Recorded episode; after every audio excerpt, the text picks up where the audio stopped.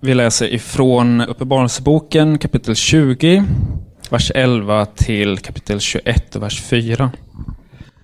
Och jag såg en stor vit tron och honom som sitter på den. Och jorden och himmelen flydde inför honom, och det fanns inte längre någon plats för dem. Och jag såg de döda, höga och låga, stå inför tronen. Och böckerna öppnades, och ännu en bok öppnades, Livets bok. Och de döda dömdes efter vad som stod i böckerna, efter sina gärningar. Eh, och livet gav tillbaka de döda som var i det, och döden och dödsriket gav tillbaka de döda som var i dem. Och var och en dömdes efter sina gärningar. Och döden och dödsriket kastades i den brinnande sjön.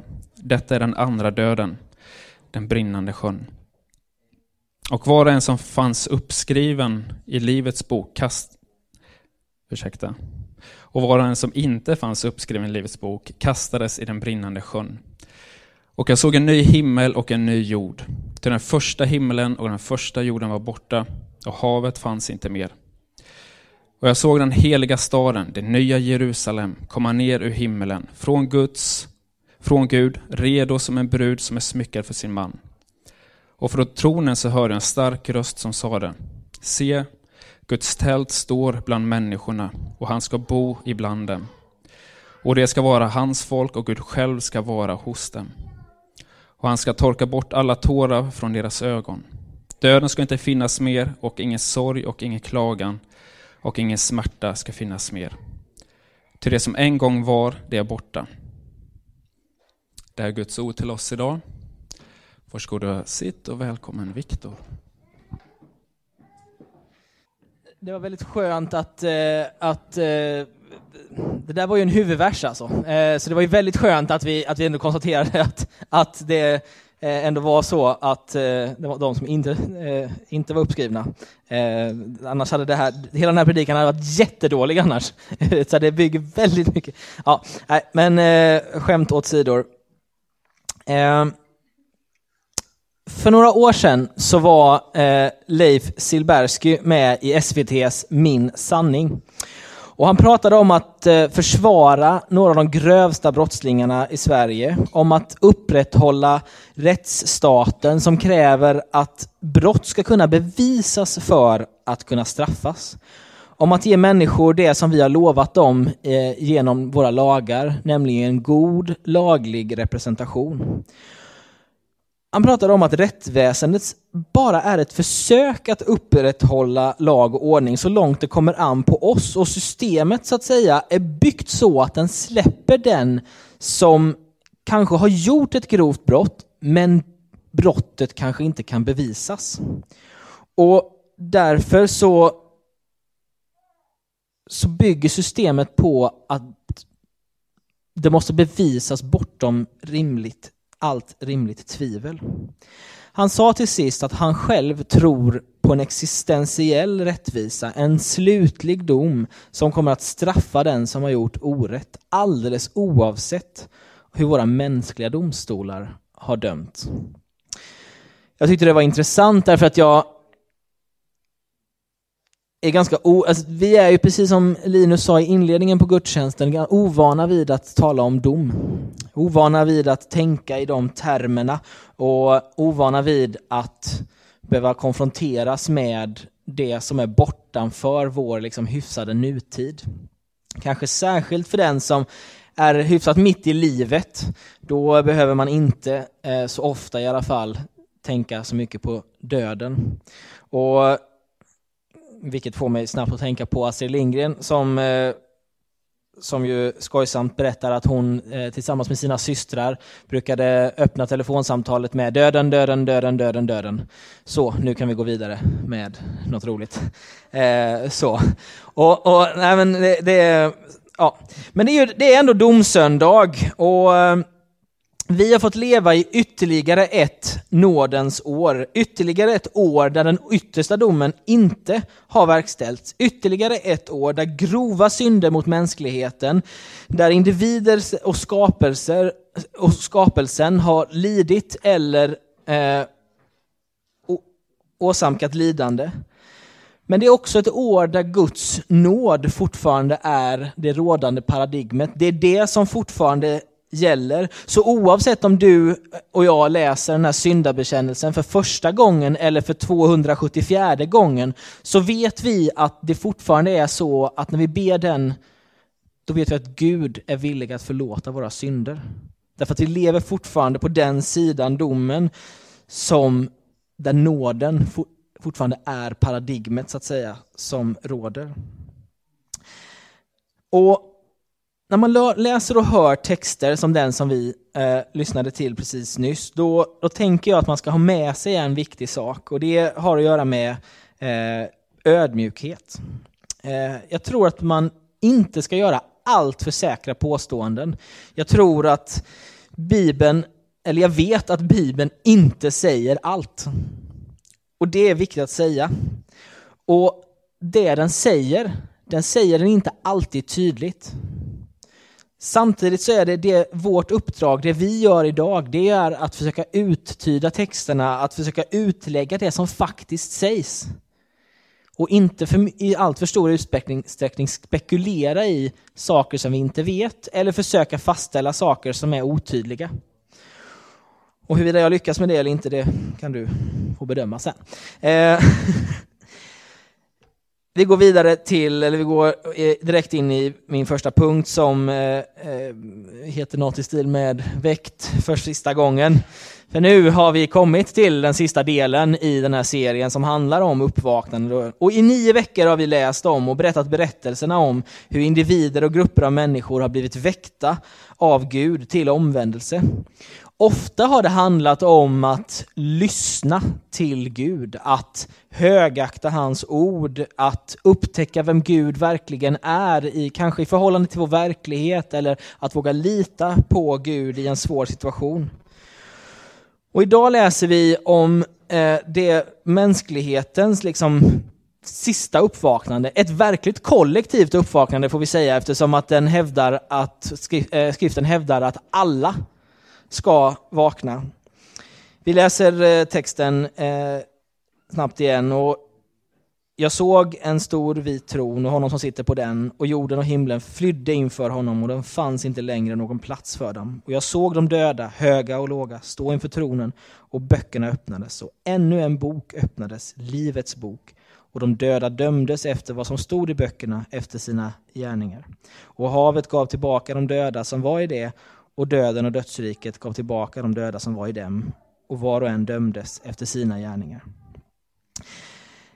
Vi förstår att, att eh, på något sätt så, så inför, i det här liksom sista uppvaknandet så, så är det inte liksom bara, det är inte ens bara människor som eh, står där inför Gud. Det är också mänsklighetens yttersta fiende, döden. Och dessutom dödsriket och eh, änglar och djävulen och hans fallna änglar som eh, generellt sett kallas för demoner. Det är liksom en ofantligt stor rättegång där Gud ska gå till rätta med allt skapat. Alla står inför denna dom. Och det vi ska ta med oss tror jag är att och vi ska, jag tror att vi förstår, eller jag hoppas att vi förstår av historien, att Gud han har ett mycket, mycket långt tålamod. Petrus skriver i andra Petrus 3 och 9 att det är inte så som många menar att Herren är sen att uppfylla sitt löfte. Han dröjer för er skull, er skull eftersom att han inte vill, inte vill att någon ska gå förlorad utan att alla ska få tid att omvända sig. Men det här tålamodet, det är inte oändligt. Och därför bör vi, tror jag, inse, och jag tror att det är, det är liksom den första grejen vi kanske kan ta med oss från den här texten, att vi be behöver inse att vi inte kan skjuta upp vårt uppvaknande, så att säga, vår efterföljelse på framtiden. Vi kan inte förlägga det, vi kan inte prokrastinera det en bra bit in i liksom kalendern och göra som jag behöver göra ibland i jobbet, att man tycker att Nej, men det här var lite, det här var knepigt eller kanske rent av tråkigt. Det här lägger vi lite senare. Det skickar vi fram ett halvår så ska vi se om jag tycker att det är viktigt fortfarande då. Det här är inte en sån sak. Utan, och vi påminns om sådana här grejer, tänker jag, eh, när allvarliga och dramatiska händelser sker i våra liv. När vi är med om en allvarlig olycka eller när någon nära oss dör. Inte minst när den någon kanske är lite yngre och vi upplever att livet inte har liksom fått leva, levats klart. Liksom. Då kommer vi till den här punkten där vi behöver utvärdera, där vi behöver omprioritera. Och jag tror att texten bland annat säger att det kommer ske ett uppvaknande vid historiens slut. Och Johannes låter oss blicka in i det, kanske just därför att vi ska ha en sån här, eller få en sån här aha-upplevelse, en sån här dramatisk, omskakande upplevelse där vi inser att det här förändrar allt. Jag har själv varit med om ett antal sådana saker, ett antal människor som, som i unga år har gått ur tiden. Jag har också varit med om framförallt en, en, en bilolycka i, i mina övre tonår som verkligen var sådär, skakade om mig och fick mig att omprioritera ett antal saker. För ett, för ett tag sedan, som inte, det här var inte en lika allvarlig eh, grej, men, men för ett tag sedan så åkte jag dit för fortkörning. Eh, det vi börjar komma närmare två år nu, så jag har hunnit be om ursäkt för det många gånger.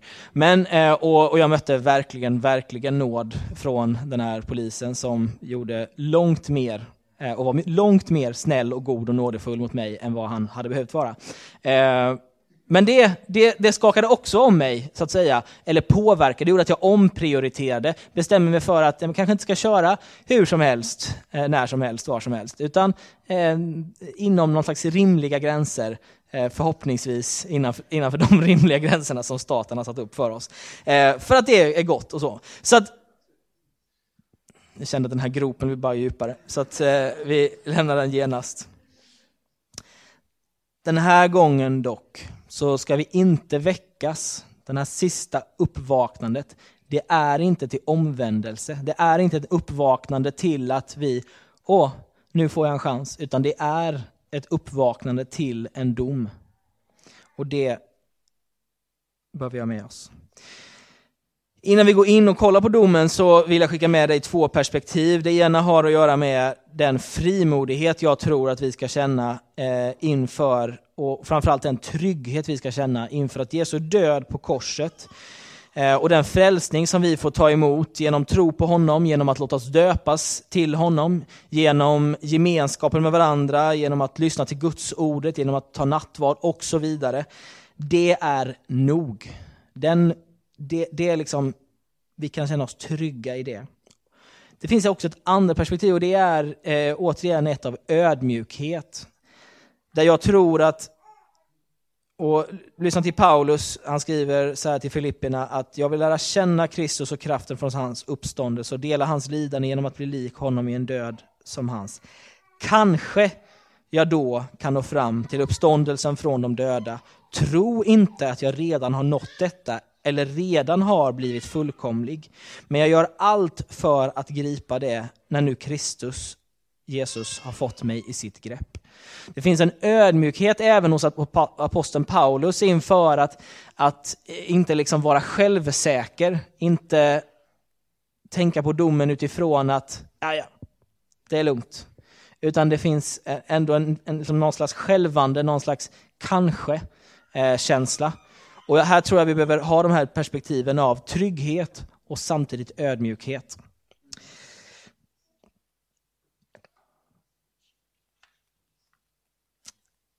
Vi fortsätter att läsa. Och de döda dömdes efter vad som stod i böckerna efter sina gärningar. Och havet gav tillbaka de döda som var i det. Och döden och dödsriket gav tillbaka de döda som var i dem. Och var eh, och var och en dömdes efter sina gärningar. Och döden och dödsriket kastades i den brinnande sjön. Detta är den andra döden, den brinnande sjön. Och var och en som inte fanns uppskriven i Livets bok kastades i den brinnande sjön. Johannes är här, som i all apokalyptik, det är det vi kallar typ uppenbarelseboken och också vissa delar till exempel av Danielsboken i Gamla Testamentet. Och det finns mängder av andra böcker som är skrivna runt den här tiden som har den här apokalyptiska eh, sättet att skriva. Eh, och, och, Johannes han eh, är helt klart eh, på, på samma sätt. Lite kryptisk, det är inte så här jätte lätt att förstå. Och han verkar hoppa lite fram och tillbaka, rätt som det så någon dömdes och sen så skulle, vaknade de upp och så dömdes de, det kändes nästan som att de döms flera gånger. Men, och, och, så ska vi nog inte förstå det, utan det är snarare så att, att det liksom eh, det är ett sätt att berätta på samma sätt som eh, jag många gånger eh, inser när jag berättar för folk att just det, den här detaljen måste jag också ta med och sen så blir man en riktigt dålig berättare. och det är inte det jag säger att Johannes är. Men, men det, det finns ett så omtag och det är eh, så. Men jag, men jag tror ändå att det vi kan säga det är ändå att domen verkar först och främst grunda sig på gärningar. Eh, där det står ändå, och var och en dömdes efter sina gärningar. Eh, och det är en dom som förmodligen, och det, det här vet vi inte riktigt, men, men det är en dom som förmodligen fördömer alla. Så det är det som vi i, i övrigt lär oss av Nya Testamentet, att, eh, inte minst genom Paulus, att, att vi är alla syndare, att vi alla har fallit kort, att våra gärningar inte räcker till, att vi inte är goda nog, så att säga. Och därmed så, så borde domen, så att säga, vara eh, en dom över oss alla. Samtidigt så, så står det bara eh, meningar senare att den verkar bara verkställas för dem som inte har sitt namn skrivna i Livets bok. Och vi förstår att de som har sitt namn skrivna i Livets bok, det är förmodligen så att de helt enkelt frikänns. Och, och här, här kommer de här, de här dubbla perspektiven som jag vill ägna lite tid nu då kring det här med nåd och gärningar. Och och eh, vi börjar med att läsa ett eh, citat av eh Bojerts, eh, eh, som var biskop i Göteborgs stift. Allt beror på nåd, det säger oss evangeliet klart. Men den nåden låter, inte oss, äh, låter oss inte vara overksamma. Kristi kärlek tvingar oss. Ett gott träd bär god frukt. Alltså blir gärningarna ett vittnesbörd om vår tro och vår gemenskap med Kristus. Och på så sätt så, så ska man inte tänka, tror jag, att det är liksom Guds nåd och gärningar som leder till frälsning primärt, utan man ska nog förstå att det är nåden, tron, som leder till frälsning och den frälsningen har gärningar med sig, tydliga saker som faktiskt händer. Inte bara liksom fluff, fluff.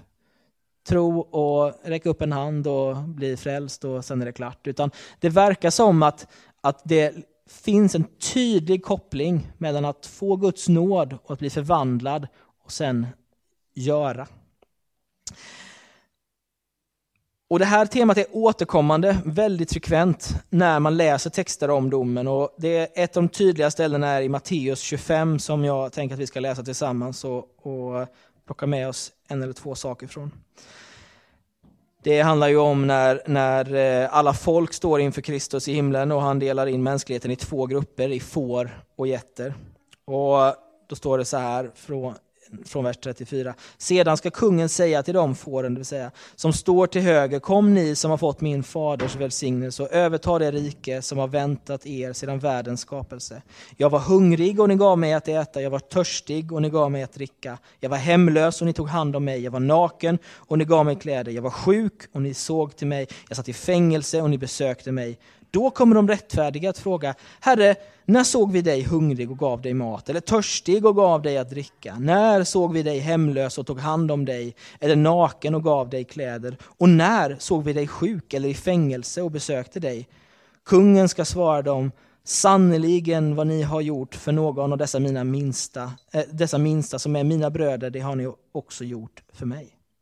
Sedan ska han säga till dem, jätterna som står till vänster, gå bort från mig ni förbannade till den eviga eld som väntar djävulen och hans änglar.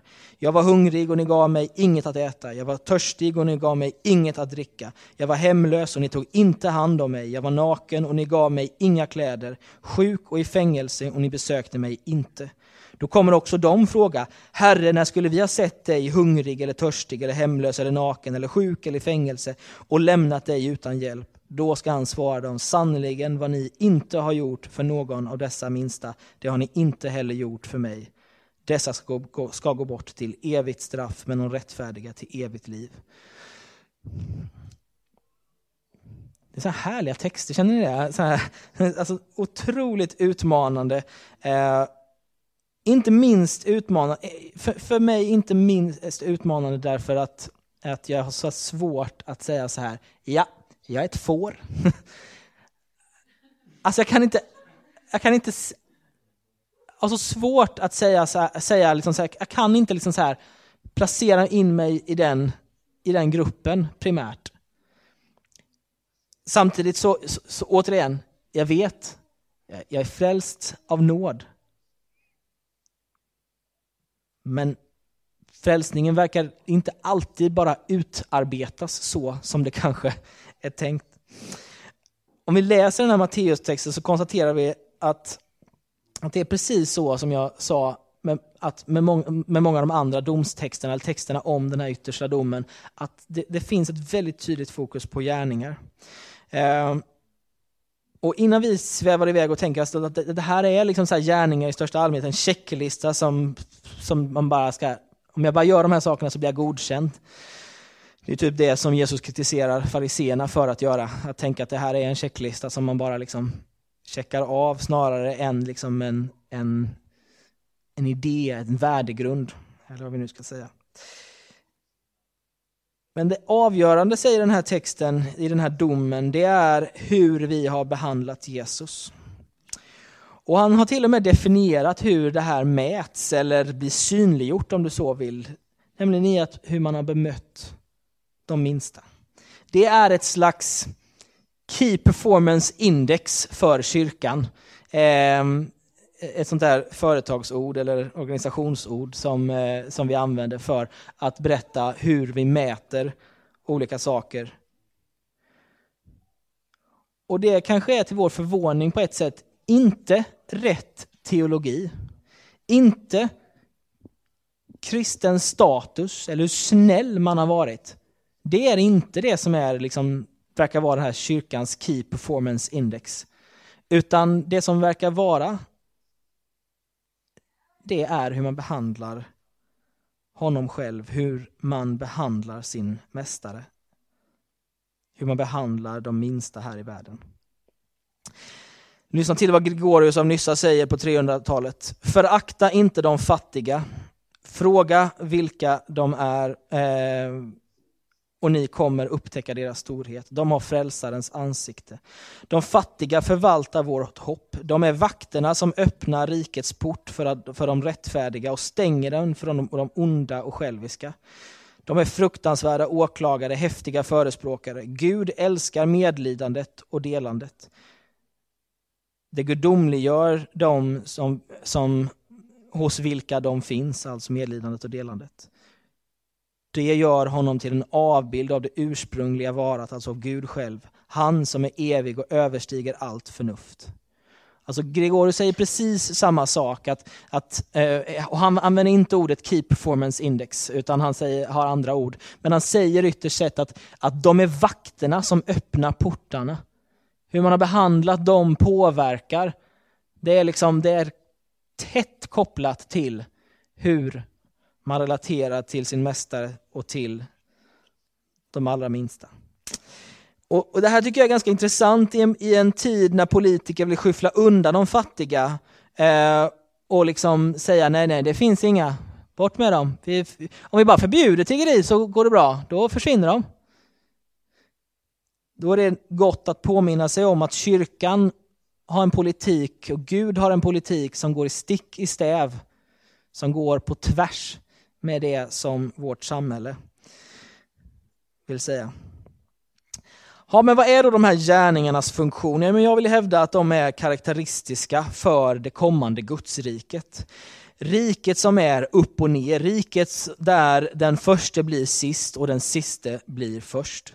Därför blir domen en fördömelse av upproret mot Gud, av avguderiet, av självupphöjelsen, av girigheten, av all ondska. Men det blir också en upphöjelse och en sammansmältning med det himmelska gudsriket och det jordiska gudsriket som redan här i världen har tagit hand om de minsta, som har ödmjukat sig och vördat Gud själv högre än allt synligt.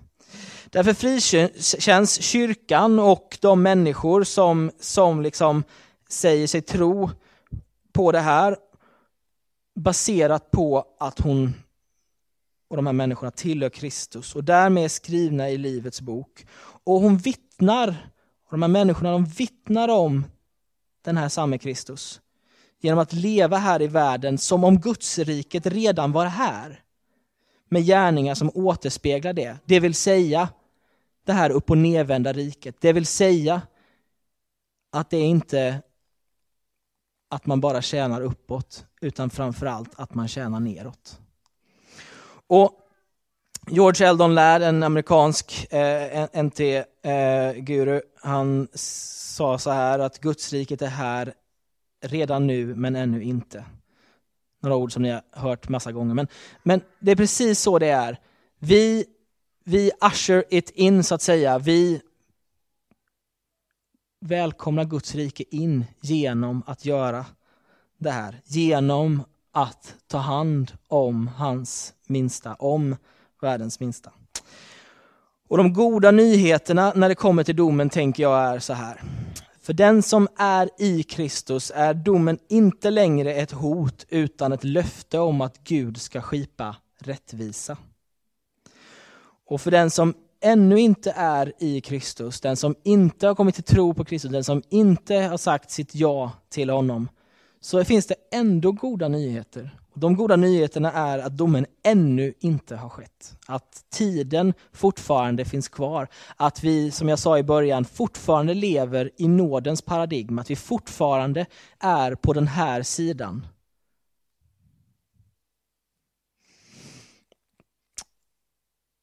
Min tredje och sista punkt. En helt ny värld. Från de här fyra verserna i 21 kapitlet. Och jag såg en ny himmel och en ny jord. Ty den första himlen och den första jorden var borta och havet fanns inte mer. Och jag såg den heliga staden, den nya Jerusalem, komma ner ur himmelen från Gud, redo som en brud som är smyckad för sin man. Och från tronen hörde jag en stark röst som sade, se, Guds tält står bland människorna, och han ska bo ibland dem, och de ska vara hans folk, och Gud ska själv vara hos dem, och han ska torka alla tårar från deras ögon.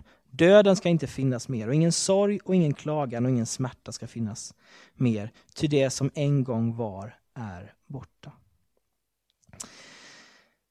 Och Det är på det här viset som Gud förverkligar eh, Guds riket. Han eh, vandrade bland människorna i Edens lustgård som vi läser om i den första boken i Bibeln. Han kastade ut dem därifrån därför att de syndade och människan vandrar i ödemarken och liksom är på, ja, är på flykt så att säga från Gud och samtidigt på jakt efter Gud. Och till slut så finner människan Kristus och till sist så ska Guds närvaro åter vara ibland hans folk, ibland människorna. Och det ska bli så att säga en återupprättelse av det som en gång var. Och det är en massa saker som behöver ställas till rätta för att det ska hända och därför så kommer domen. Och det är så mycket som är temporärt i Guds perspektiv. Ondskan är temporär. Smärtan, sorgen, klagan, tårarna, alla temporära. Till och med döden är temporär. Det som för dig och mig verkligen inte kan, alltså det är, vi säger det ofta i liksom populärlitteratur eller här från en predikstol, att är det någonting vi vet så är det att vi ska dö. Är det, det typ det enda säkra är att vi ska dö. Och ändå så är det liksom Gud luckrar upp det och säger nej, även det är temporärt för mig. Och Gud ska istället låta allt det permanenta bestå och därmed rensa bort det temporära, det vill säga ondskan och så vidare. Och låta godhet, kärlek, barmhärtighet bestå. Det betyder att det inte blir någon mer trafficking, inga fler, ingen mer hungersnöd, ingen mer korruption, inga sjukdomar, Inga fler konfliktmineraler, inga fler blodsdiamanter, ingen miljöförstöring, inga vattenkonflikter, ingen olja värd att kriga över, inget missbruk som förstör, inga barn som far illa, inget självhat och inga ätstörningar. Inget mer av allt det som smärtar. Det är det som väntar. Gud ska själv döma det, plocka bort det. Och jag tycker personligen en av de vackraste bilderna, Gud ska själv torka deras tårar. Han ska vara bland oss. Vi ska återigen vara så nära att han rör oss och torkar våra tårar. Det blir verkligen ett rike av godhet, kärlek och Guds närvaro. Vad ska vi då göra tills dess? Jo, den helige Antonios, 300-talet igen, hade bett Gud visa honom vem som var hans like. Och Gud lät honom förstå att han inte hade uppnått samma höjd som en viss skomakare i Alexandria. Antonius lämnade öknen och begav sig till skomakaren och frågade hur han levde sitt liv. Denne svarade att han gav en tredjedel av vad han tjänade till kyrkan, en annan tredjedel till de fattiga och behöll resten själv. Detta tyckte han, inte Antonius var särskilt märkvärdigt. Notera. Han som hade lämnat allt han ägde och levde i fullkomlig fattigdom i öknen. Det var säkert inte detta som, som han överträffade, det var säkert inte med detta han överträffade honom, tänkte Antonius. Och han sade, det är Herren som har sänt mig för att se hur du lever ditt liv. Den enkla hantverkaren som hade stor vördnad för Antonius anförtrodde honom då sin själs hemlighet. Jag gör ingenting särskilt. Allt jag gör är att jag under arbetet betraktar dem som går förbi och ber Måtte alla räddas och jag ensam förgås. När det kommer till domen och helvetet och räddningen så vill jag därför säga att man inte nödvändigtvis måste spekulera i helvetets varande och hur det ser ut och om det finns, etc. Inte heller går man i andra diket och säger att alla människor blir räddade, det är lugnt. Utan man ber. Man ber och man vittnar. Man ber för alla människors frälsning och man vittnar om Guds riket genom sin relation till sin mästare och sin överlåtelse till honom genom hur man behandlar de minsta här i världen. Typ så. Så vad tar vi då med oss idag? Jo, jag tror ett att det kommer ett uppvaknande. Men det har ännu inte skett och det finns fortfarande tid. Tid att göra gott, tid att följa Kristus, tid att älska, tid att omvända sig. Två, det kommer en dom. Den domen är inte en sammanvägning av våra gärningar. I så fall finns det ingen som blir räddad. Domen är istället baserad på hur vi relaterar till Jesus och det synliggörs i hur vi agerar mot honom och behandlar hans minsta. 3. Godheten, kärleken och Gud ska vinna i slutänden. All ondska, smärta och kamp är temporär. Därför ber vi för människors frälsning och vittnar om det kommande Gudsriket. Därför gör vi följande. Följ honom. Älska hans minsta och var en försmak på hans rike. Mer specifikt eftersom att det är advent och jultid snart så vill jag uppmuntra dig att under de här fyra veckorna som individ, själv eller i grupp eller för all del dra med hela vår församling i att möta en eller flera människor varje vecka. En som kan, som du åtminstone kan klassificera in i det som Jesus själv säger, mina minsta. Och behandla dem så som du skulle behandla Jesus själv, om det var han som satt där eller stod där. Jag vill uppmuntra oss till att låta kungen får komma till oss så här i juletid. Att vi i advent får välkomna honom, vänta honom, bereda väg för honom på det sättet som han själv har bett oss att göra. Ska vi be tillsammans. Jesus, det är eh, utmanande och svåra texter som vi möter den här dagen, domsöndagen. Där vi själva snubblar och försöker se in i framtiden och med hjälp av, av de som har författat ord i, i Bibeln. Och vi har så svårt att se exakt vad som sker och samtidigt så är det tydligt för oss att vi själva faller korta, faller kort inför dig och att du uppmanar oss till att ta emot din nåd och också agera så som du själv har lärt oss att göra. Och vi ber dig om nåden att få göra det. Vi ber dig om nåden att få upptäcka och se dina minsta. Vi ber dig att du skulle hjälpa oss att släppa bruset, komma bort från allt det som stör vår, vår syn och, och se människor. Kom förvandla våra hjärtan. Hjälp oss, inte minst den här tiden som ligger framför, fram till jul, att eh, på ett extra speciellt sätt behandla människor annorlunda. Inte minst de som du själv säger att du har en särskild relation till. Jag ber dig Gud, kom, kom in i mitt liv och kom in i mina vänners liv. Rör oss, låt oss få se mer än vad vi själva ser idag. Tack för din nåd, tack för din frälsning, tack för allt som du har. Kom Herre, kom. Amen.